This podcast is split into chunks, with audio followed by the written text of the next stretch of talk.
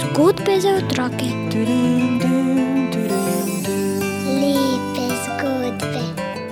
Šmarnice za otroke.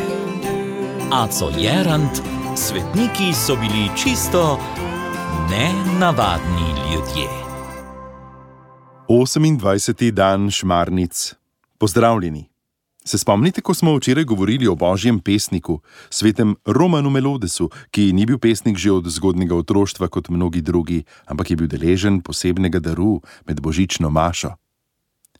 Kaj pa dekle? se je Peter spomnil še enega poklica.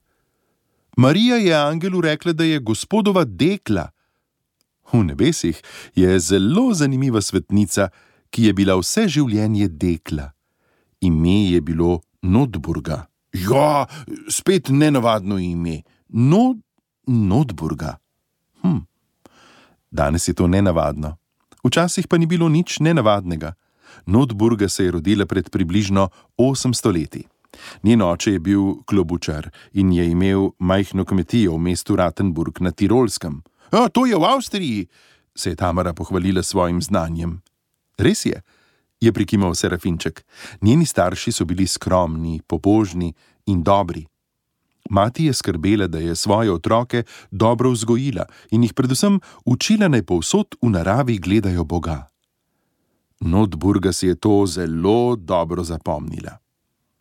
Ko je bila stara 18 let, je šla služiti v bližnji grad. Tam je bila najprej dekla, potem vratarica in slednjič kuharica. Bila je dobra po srcu in odprtih rok za reveže. Dokler je služila pri starem graščaku in graščakinji, je lahko veliko pomagala revežem, ker sta ji to tudi dovolila. Po gospodarjevi smrti pa je grad prešel v last njegovega sina. Ta sicer ni bil hudoben človek, tudi preveč pod vplivom skope in trdosrčne žene je bil.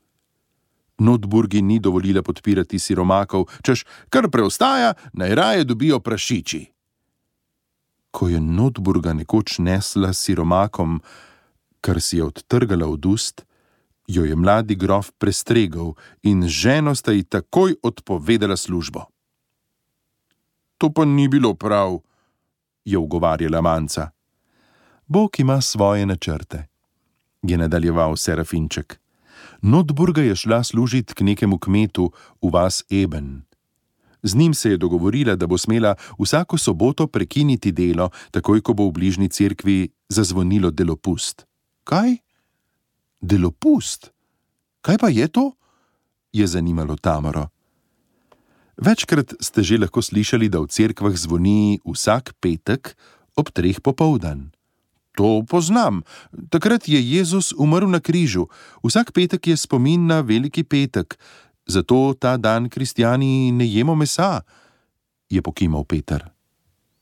Vsako soboto ob štirih popoldan pa lahko prav tako slišite, da v cerkvah zvoni. To zvonjenje se imenuje delopust. Takrat naj bi kristijani prenehali delo in se začeli pripravljati na gospodov dan. Tako je želela tudi Notburga. Neko soboto ob žetvi je bilo posebej veliko dela. Kmet je dejal, da je delo treba končati, ne glede na delopust. Takrat so želi ročno, srpi.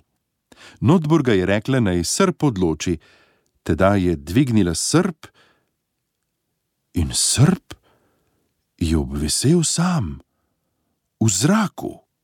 A je, neverjetno, se je čudila Tamara. Bilo pa je žalostno na gradu, kjer je prej služila. Ko je odšla z gradu, je odšel tudi božji blagoslov. Gospodarica je zbolela in Notburga si je izprosila od gospodarja, da je smela streč bolnici.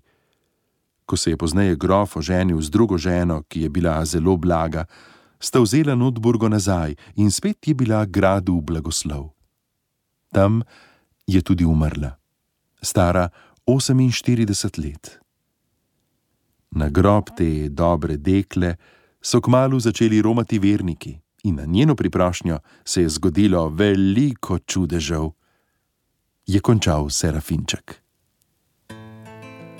V nalogi današnjega šmarničnega dne Joj, že 28. po vrsti je bil, pa povabi svoje starše, da greste skupaj k sveti maši.